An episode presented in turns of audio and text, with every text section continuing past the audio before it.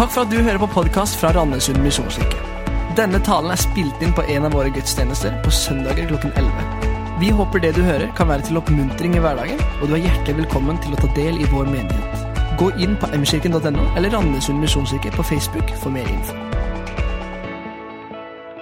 seile over Atlanteren solo. Alene fra Amerikas østkyst til Frankrikes vestkyst. Coyote, som båten heter, var en eh, fantastisk båt. State of the art på alle måter. Bygd med de beste materialer. Og bygd med det beste man har innenfor elektronikk, navigasjon, nødsystemer på denne tiden her. Michael Plant var en svært erfaren seiler. Han hadde seilt i konkurranser, og han hadde hatt mange soloseilaser tidligere, bl.a. aleine til Hawaii. Så eventyreren Michael Plant hadde virkelig alt han trengte av erfaring og ekspertise. Han hadde det beste utstyret og var forberedt sånn at det å lykkes var sannsynlig. Elleve dager ut i reisen så mister de som følger han gjennom radio på land, de mister radiokontakt med han. Så er de ikke så veldig bekymra for det, for eh, Michael Plant han pleide å være ganske uavhengig og kunne være utenfor radiokontakt i flere dager. Og de tenker han har sikkert hendene fulle med en forbipasserende storm eller noe uvær. Men etter ytterligere noen dager så slår de full alarm. Og så er det full redningsaksjon, og etter tre uker så blir båten funnet. Og det er helt riktig. Båten Coyote og Michael Plant de hadde truffet på et uh, forrykende uvær, en storm. Noe som Coyote var bygd for å tåle. Den hadde bl.a. en kjøl som veide fire tonn, og som var festet da til skroget. Men når Coyote endelig blir funnet, så blir båten funnet flytende opp ned. Og det er ingen kjøl på båten, det er bare et feste der kjølen skulle ha stått. Kapteinen finner man aldri, og han er da eh, fortsatt forsvunnet. Og ingen vet hvorfor eller på hvilken måte kjølen løsna fra skroget. Men når den gjorde det, da er også Kajot fullstendig hjelpeløs. Uten kjølen så skal det bare en liten bølge til for at båten tørner opp ned og sånn sett er håpløst fortapt. En fantastisk båt, en av verdens mest erfarne skippere. Det hjalp bare ikke. Fordi problemet, det var under vannlinja, og det var ikke synlig. Det var dårlig forankring mellom kjøl og skrog. Og en feil som gjorde at all verdens av det beste utstyret ellers egentlig var bortkasta. Skroget trengte forankring. Og Sånn tenker jeg det er også med våre liv. Vi trenger å være forankra til noe som holder, til noe som er solid. Vi trenger et fast punkt i tilværelsen. Og Det er jo noe både psykologer kan snakke om, filosofien kan snakke om, og vår erfaring snakker om det. Arkimedes han sier, 'Gi meg ett fast punkt, og jeg skal flytte hele jorda'. Og Et sånt fast punkt, det trenger vi i våre liv. Det trenger vi i tilværelsen. Jesus er det faste punktet for veldig mange mennesker opp gjennom historien, og også i dag. Og jeg syns Trygve Skau Sanger og musiker sier det fantastisk flott på NRK her sist torsdag. Han sier selv om livet mitt kanskje kan virke som om alt er tilfeldig, og at noen ting bare skjer underveis, jeg egentlig, har jeg egentlig ikke tid til at hjertet mitt skal flyte helt tilfeldig og vilkårlig omkring. Drive med strømmen. Jeg må ankre det fast et sted. Derfor tok jeg det største fjellet jeg fant, sier Trygve Skau og snakker om sin tro på Jesus Kristus. Etter 25 år som pastor Jeg oppdaga det plutselig i høst. At jeg hadde vært pastor i 25 år. Jeg begynte som tolvåring. Nei da, jeg gjorde ikke det. Jeg fylte 50 også i år. Men etter 25 år som pastor så har det bare blitt viktigere og viktigere og viktigere for meg. Det er dette at det gjelder å bygge solide røtter for troen. Det gjelder at troen er solid forankra. Hvis ikke så kan det fort ende opp sånn som med Michael Plant og Coyote, nemlig at vi havarerer, lider skipbrudd på vår tro, som det står i Bibelen. At når livsstormene møter oss, for de vil møte oss, ja, så var det plutselig ikke noe der som holdt. Og så kantra både tro, og så kantra livet. De første kristne de sto i veldig mye av det samme som vi står i. Og de erfarte veldig mye av akkurat det som vi erfarer i våre liv. Det er helt utrolig. Og Derfor så er det sånn at når vi møter våre utfordringer, ja, da gjelder det å søke tilbake til ordet. Og både se deres erfaring, men også høre hva er det Guds ord sier inn i disse menneskers situasjon. Og det er det vi skal gjøre. Fire søndager, denne og de tre neste, så skal vi gå til Kolossebrevet. Og så skal vi se i Kolossebrevet på tekster som, som handler om mennesker som lever midt i sin tid og midt i sitt samfunn. Og så opplever de mange av de samme utfordringer som vi gjør. Eh, og så blir det veldig aktuelt. Og så har vi kalt serien for Røtter. Fordi vi ønsker at gjennom denne serien, gjennom disse tre søndagene, så skal vi nettopp gjøre det. Bygge røtter, bygge festament i Jesus Kristus. Dagens tekst og der vi skal starte, er bare én setning, et halvt vers egentlig. Men det er det som setter tema for denne talen. Og så skal jeg hente inn noen andre vers fra Kolossebrevet eh, etter hvert. Men jeg tenker dette verset er også egentlig tema for hele Kolossebrevet. Eh, så på en måte skal du vite hva er, hva er på en måte grunntanken i Kolossebrevet. Hva er det dette dypest sett handler om? Ja, så er det dette, denne ene setningen, dette halvverset. Og vi leser den sammen. Kolosserne 1, 23. Dere må bare bli stående i troen, grunnfestet og stødige, uten å la dere rive bort fra håpet som evangeliet gir. Vi leser den en gang til. Dere må bare bli stående i troen, grunnfestet og stødige, uten å la dere rive bort fra håpet som evangeliet gir. La oss be. Ja, kjære Jesus, du kjenner våre liv, vi som sitter her, og du kjenner våre utfordringer og hva vi utfordres av. Og så har jeg bare lyst til å be at du skal la ditt ord tale til oss. Eh, at vi må se noe mer, forstå noe mer av hvem du er, og hva du, har gjort for oss. Og at du må la våre røtter få lov til å gro dypt i deg, Herre. Jeg ber om det. Amen. Dette brevet som vi konsentrerer oss om nå i fire søndager, er også skrevet til menigheten i Colosset. Og Paulus skriver dette brevet ca. år 60, og han skriver det fra en fengselscelle i Roma. Det er noe han har hørt om menigheten i Colosset. Det er noe han har hørt fra denne byen som bekymrer han dypt. Og han skriver, som vi leste, 'La dere ikke rive bort'. Det er det han er redd for. At det er noe her omkring de som skal rive de bort av selve troen. Og tenk på det, De første kristne, de som kunne lese håndskrevne brev av Paulus, det måtte ha vært fantastisk. De som kunne lytte til de apostlene som selv hadde vært sammen med Jesus, gått sammen med han og vært øyenvitne til hans oppstandelse. Selv de som hørte disse, de var ikke immune mot å bli utfordra og prega av verden omkring dem. Og Vi møter i dette brevet en sånn inderlighet fra Paulus' side. Det er et hyrdehjerte. Det er et farshjerte som roper ut 'Ikke la dere rive bort'. Stå fast. Og Han sier det og gjentar det igjen og igjen i dette brevet. Vi har allerede lest vers, kapittel 1 vers 23. 'Ikke la dere rive bort'. Men han sier også 'La ingen lure dere'. Det var noen der som ønska med overtalelseskunst å tricke de, lure de. Han sier, 'Hold fast ved det dere er opplært i'. Og Vi kjenner, kanskje merker gjennom dette brevet, noe av hans hjerte og noe av hans hyrde. Paulus hadde så mye godt å si om denne menigheten. Han sier, 'Jeg har hørt om deres tro på Kristus.' Han sier, 'Jeg har hørt om deres kjærlighet til de hellige.' Det var en menighet med så mange gode kvaliteter. Og så er det denne bekymringen, denne nøden han har for at de skal faktisk drifte av. At det er faktisk sånn at noen kan lure dem. Hva var utfordringen i denne menigheten her? Hva var det de var utfordra av? Og så kan vi kanskje tenke litt sånn Ja, de første kristne de opplevde ganske mye forfølgelse.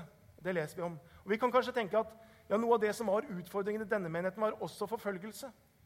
Litt sånn som i hebreerbrevet.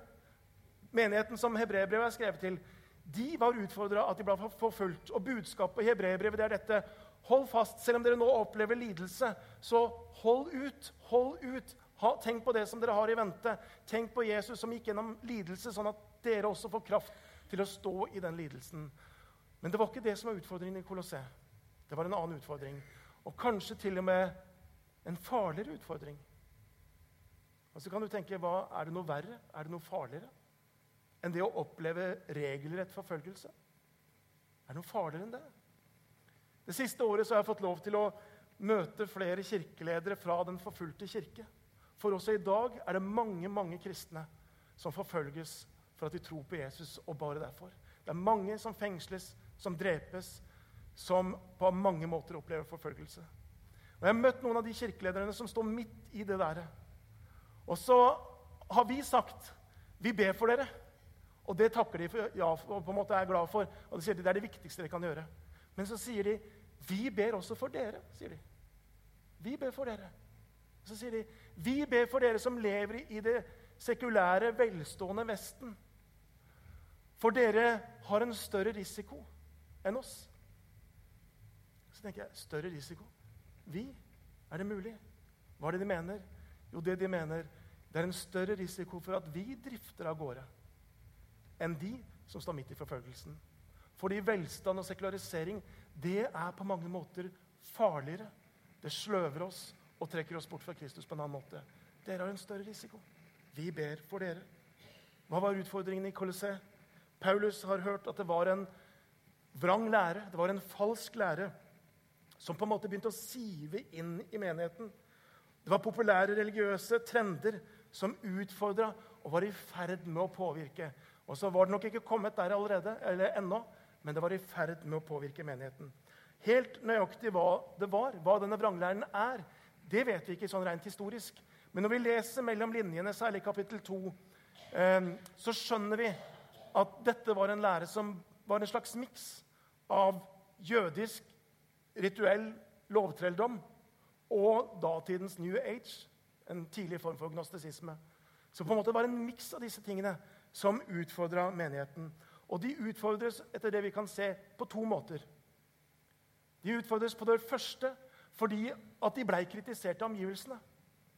Og det å på en måte være en minoritet som opplever å bli kritisert av omgivelsene, som opplever at noen ser ned på dem fordi at de tenker og mener som de gjør, som opplever at noen fordømmer dem fordi at de holder fast på det de holder fast på. Og Paulus sier, 'La ingen dømme dere', sier han. De ble kritisert, de ble fordømt, de ble sett ned på av omgivelsene. Så det var den ene siden, og det var utfordrende for dem. Det andre var, når vi leser litt mellom linjene, at det tydeligvis var noe i denne religiøs, religiøsiteten som var forlokkende. Det var noen her som på en måte traff noen strenger hos noen av dem. Sånn det ofte er med ulike former for religiøsitet. Og Paulus sier noen stikkord. så sier han at det, det er noen som kaller det visdom. Såkalt visdom snakker han om. Han snakker om selvgjort fromhet. Han snakker om selvfornektelse, mishandling av kroppen, tilbedelse av engler feiring av månedager. Og så sier Paulus alt dette har ingen verdi, men sier han, det tilfredsstiller kjøttet. Det er noe i dette som tilfredsstiller det menneskelige i oss. Og så er det sånn at Fordi vi er skrudd sammen forskjellig, og noen her også var kanskje mystikere, og så ble de trigga litt av dette tilbedelse av engler. Det var noen høysensitive eller hva vi skal si, som kjente at det der det var det noe forlokkende i. Og så er det noen som mer er asketiske. Og så kjente de at de ble trigga av selvfornektelse. Og så ble de trigga kanskje til og med av selv, eller eh, påføre seg sjøl smerte. Og så er det andre som er legalistiske anlagt. Og så ble de trigga og tilfredsstilt av å skulle holde veldig strikte bud osv. Det tilfredsstiller noe av det menneskelige i oss, er det Paulus sier. Det tilfredsstiller kjøttet.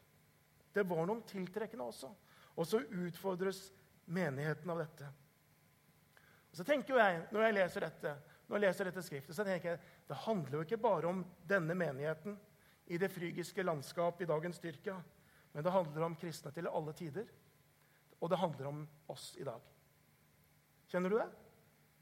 At noe av dette som utfordra denne menigheten, det er jo nøyaktig de samme ting som utfordrer oss. Vi står i noe av den samme spenningen. Paulus regner i filosofihistorien som en av de store tenkere. Men han er mer enn det. Han er en apostel. Han er en som hørte fra Gud og hadde ord fra Gud, og som Gud åpenbarte seg gjennom. Og Derfor er det ikke sånn at dette er bare ord av en stor tenker, men det er Guds ord til oss. Det er Guds evige ord inn i vår tid. Det er ord som vi kan eh, få føde av. Det er ord som kan være med å bygge våre røtter. Og Derfor er det viktig å lytte til nettopp disse ordene her. For vi står i mange av de samme utfordringer. Og også i dag så er det trender i tiden som sniker seg inn, nesten så umerka at vi ikke merker det. Og så påvirkes vi. Det er populære åndsstrømninger som utfordrer oss som tror. Det er det politiske korrekte, der vi kjenner press etter å gi etter i vår tro på en sånn måte at Skriften ikke lenger er rettesnor for liv og lære, sånn som Misjonskirken Norge faktisk sier at det er. De utfordres på ulik måte. Michael Plant han hadde den beste båten, han hadde den beste erfaringen, men han havarerte fordi han ikke var, kjølen var ikke godt nok fundamentert til skroget. Jeg må si at noe av det mest smertefulle jeg opplever som pastor, og som jeg har sagt så jeg har vært i 25 år, og det er jo å se mennesker som en gang var, hadde en sterk bekjennelse, som hadde et aktivt trosliv. Og så går det en tid, og så ser du på en måte hvordan det nesten forsvinner i livet deres. Hvordan de feider ut. Og så blir plutselig troen borte. Og Gjennom 25 år så har jeg sett mange sånne. Det er mange ansikter som kommer til meg når jeg sier det. Og det er ingenting som er vondere, det er ingenting som er, som er mer smertefullt. Og Så er det på en måte et sånt mønster som du kan se. Kanskje starter det med at den tjenesten man hadde i menigheten, det oppleves som bortkasta tid. Og så slipper man det. Og så blir man mindre og mindre nærværende i menighetsfellesskapet. Og så slutter man kanskje i bibelgruppa. Og så begynner trosinnholdet å endre seg. Og så ender det opp et eller annet sted hvor ja, noen sier klart ut 'Jeg har ikke lenger noen tro'. Andre de sier 'Jeg har nok min tro'. Og så er det ikke sikkert at eh, det er så lett å se det i livet. Og så er det der en smertefull prosess. Noen så er det kritiske fasen det er russetida. Sant? Da var det det snudde. For andre er den kritiske fasen det er studietida. Man flytter bort, bort fra mor og far, og så er det plutselig noen Det var ikke så mye røtter der. For andre så er det karrieretida. Andre igjen så er det når barna flytter ut, og så blir det plutselig annerledes. Og så kan man ta ulike sånne faser. For noen så er det jo akkurat når stormen kommer, sykdommen, sorgen, samlivsbruddet. Og så holdt ikke de der røttene likevel. Og så er det ingen kritikk fra meg i forhold til noe av det. Det er bare en smerte. Det er bare en sorg. Eh, og så er mitt håp og mitt ønske for hver eneste en av dere som er her, at dere får disse røttene på plass. At dere får dette fundamentet, sånn at det tåler også om stormen skulle komme. Derfor er det så avgjørende at vi som menighet at vi ikke bare arrangerer ting. At vi ikke bare på en måte har happenings, men at vi faktisk gjør det Jesus ba oss om å gjøre, og gjøre disipler. At gjøre disipler som har dype røtter i Jesus Kristus. Det er det vi er satt til å gjøre.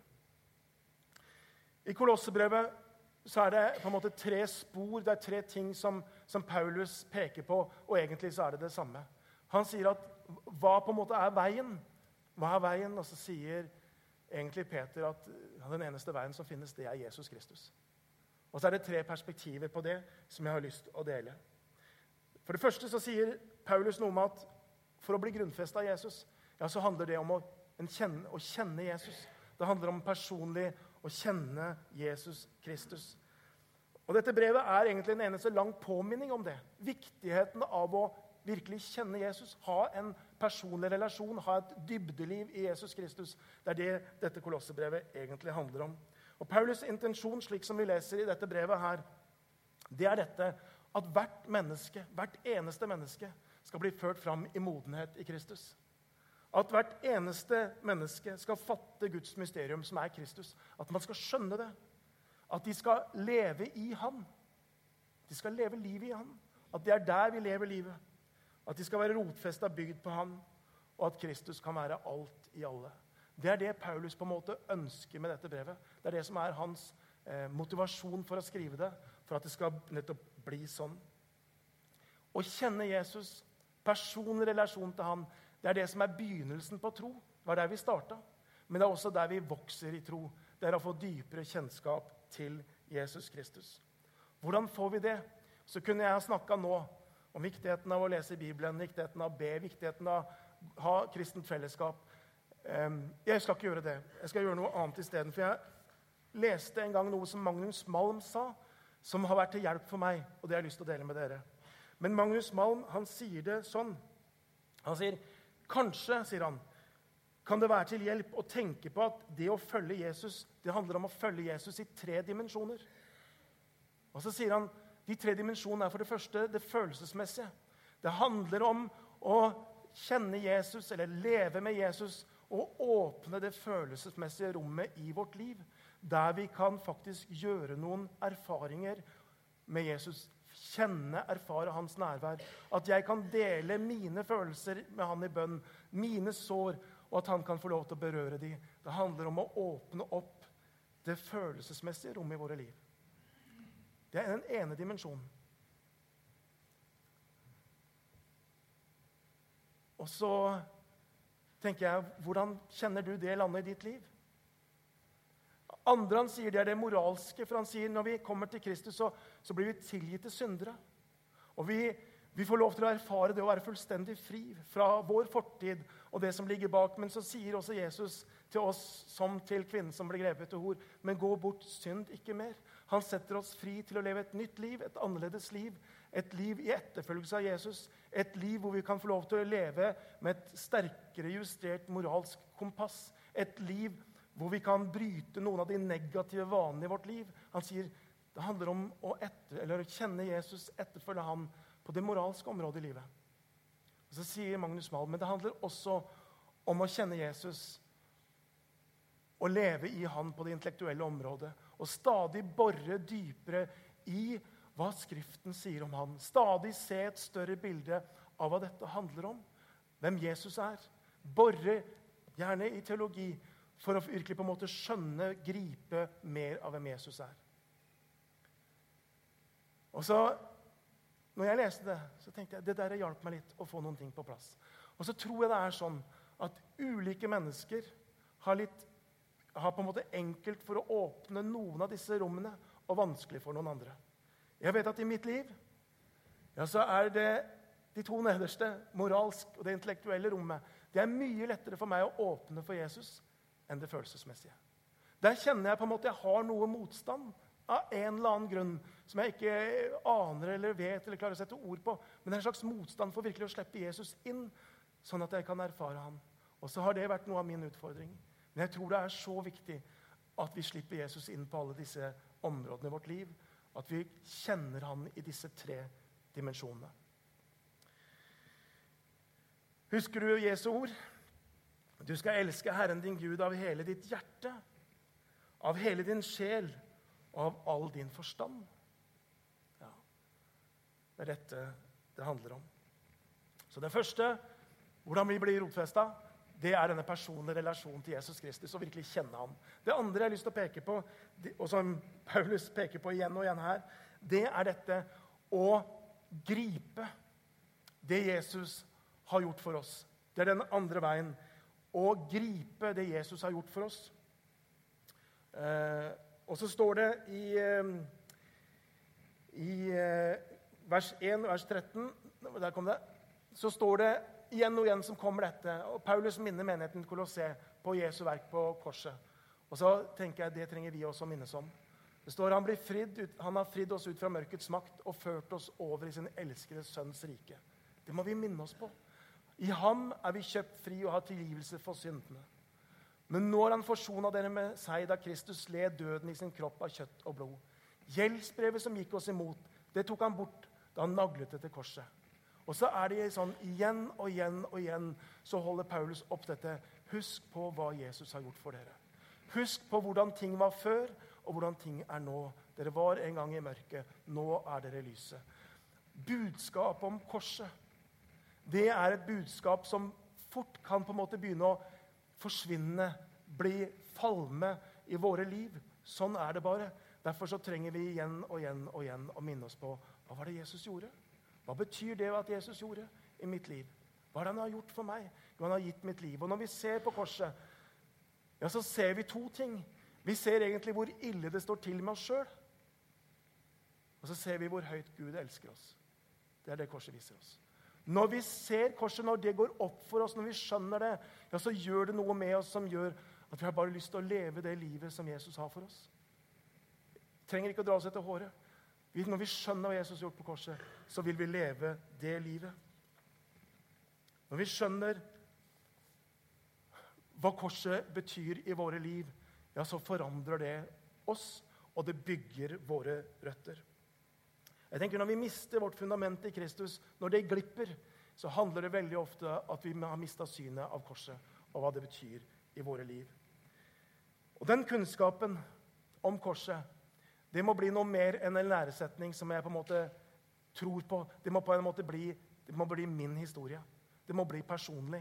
Det må bli på en måte noe som er en del av, av meg ord om korset. Og det er flott å bære korset om halsen, men vi må bære korset i hjertet. Eh, sånn at det blir min historie, og at det blir mitt budskap. Eh, det er veldig bra å kunne ha noen å støtte seg mot når troen er i vekst, når, vi, når troen vokser. Det kan være foreldre, eller det kan være ledere, eller det kan være en menighet, eller det kan være noen som vi støtter oss mot. Um, men på et eller annet tidspunkt så må vi også bygge våre eget rotsystem. I 2008, våren 2008 så kjørte eh, jeg sammen med noen, bl.a. Roy Elling Foss her, i Tyskland. Og da så vi herjingene etter stormen Kyrill, som raste gjennom Nord-Europa i 2007.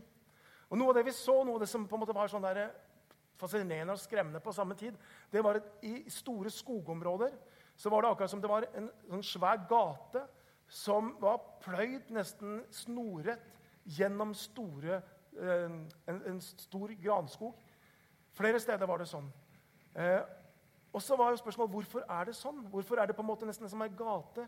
Jo, fordi at når de fremste trærne, de som vanligvis tar av for vinden, som har dype røtter, og som normalt holder, når de falt, ja, så hadde ikke de trærne som sto bak, bygd like sterkt rotsystem. Så når de første trærne falt, ja, så falt hele skogen bakover. Og Derfor så tenker jeg vi må bygge våre egne røtter. Det er bra å ha noen å lene seg på.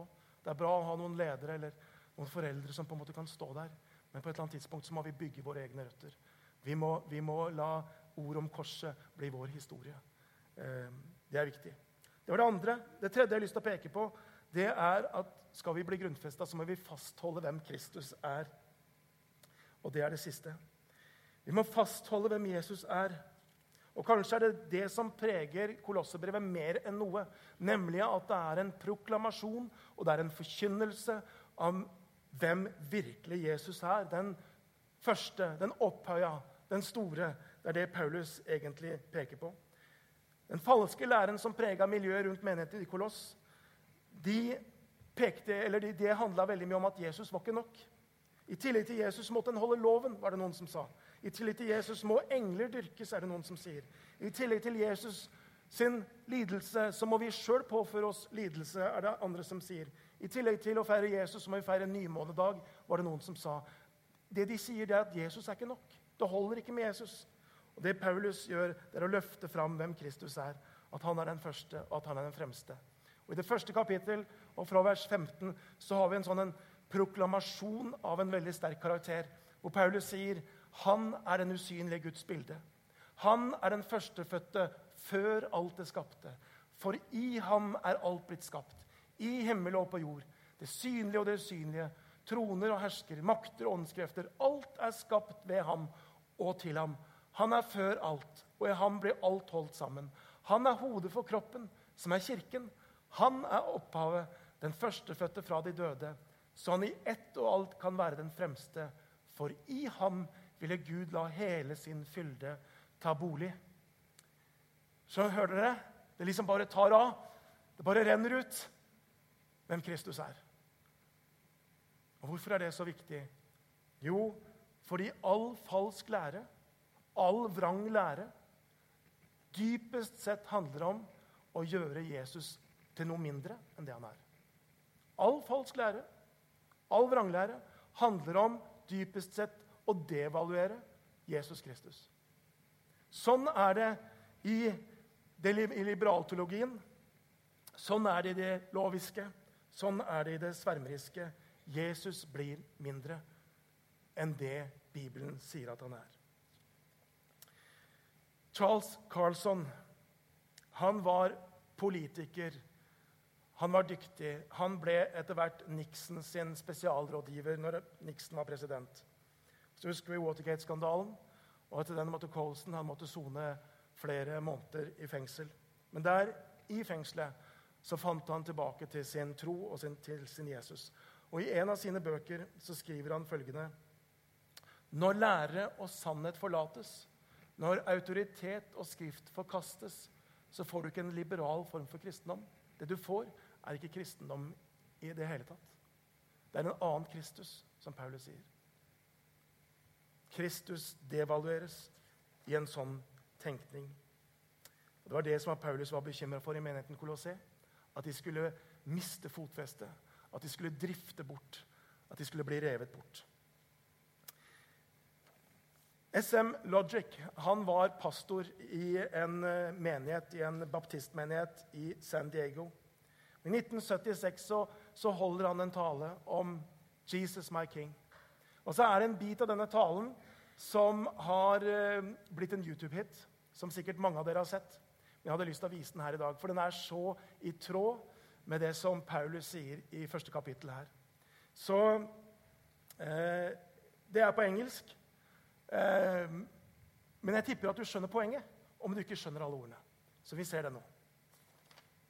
The Bible says, My king is the king of the Jews. He's a king of Israel. He's a king of righteousness. He's a king of the ages. He's a king of heaven. He's a king of glory. He's the king of kings. And he's the Lord of lords. That's my king. I, I wonder, do you know him? my king is a sovereign king. No means of measure can define his limitless love. He's enduringly strong. He's entirely sincere. He's eternally steadfast. He's immortally graceful. He's imperially powerful. He's impartially merciful. Do you know him? He's the greatest phenomenon that has ever crossed the horizon of this world.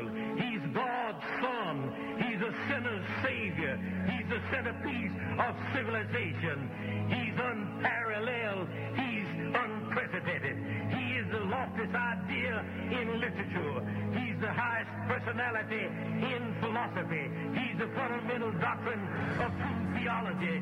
He's the only one qualified to be an all-sufficient Savior. I wonder if you know him today. He supplies strength for the weak. The tempted and the tried. He sympathizes and he saves. He strengthens and sustains. He guards and he guides. He heals the sick. He cleanses the lepers. He forgives sinners. He discharges debtors. He delivers the captive. He defends the feeble. He blesses the young. He serves the unfortunate. He regards the aged. He rewards the diligent, and he beautifies.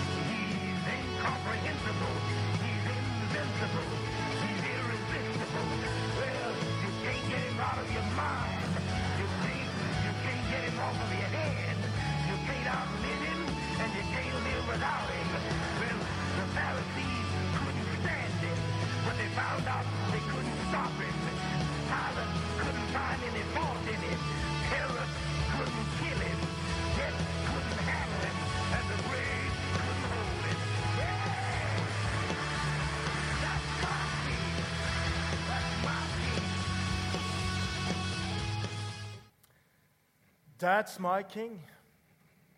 Do you know him?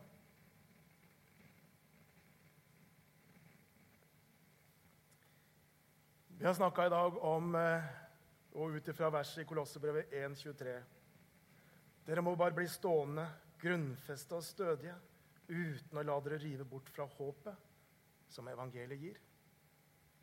Og Så kan det hende at du har blitt utfordra. Kanskje har du blitt oppmuntra. Og så er vi innenfor Gud, og så skal vi bruke noen minutter nå. Så kan du gjøre det du kjenner er godt for deg. Det kommer lovsang.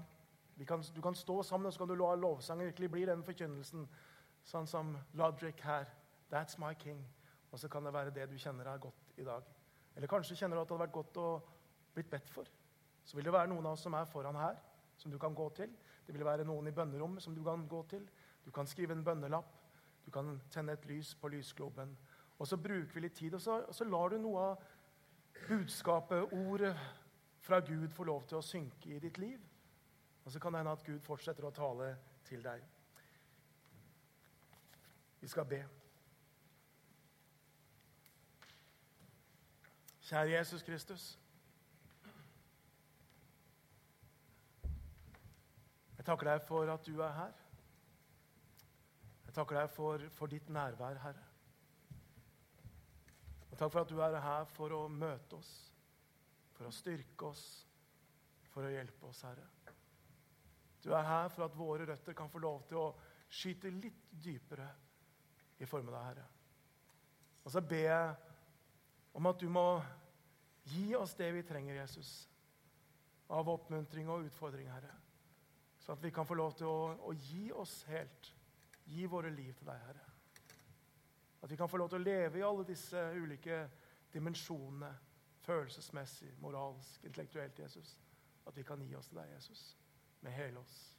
Med alt hva vi er, Herre. Amen.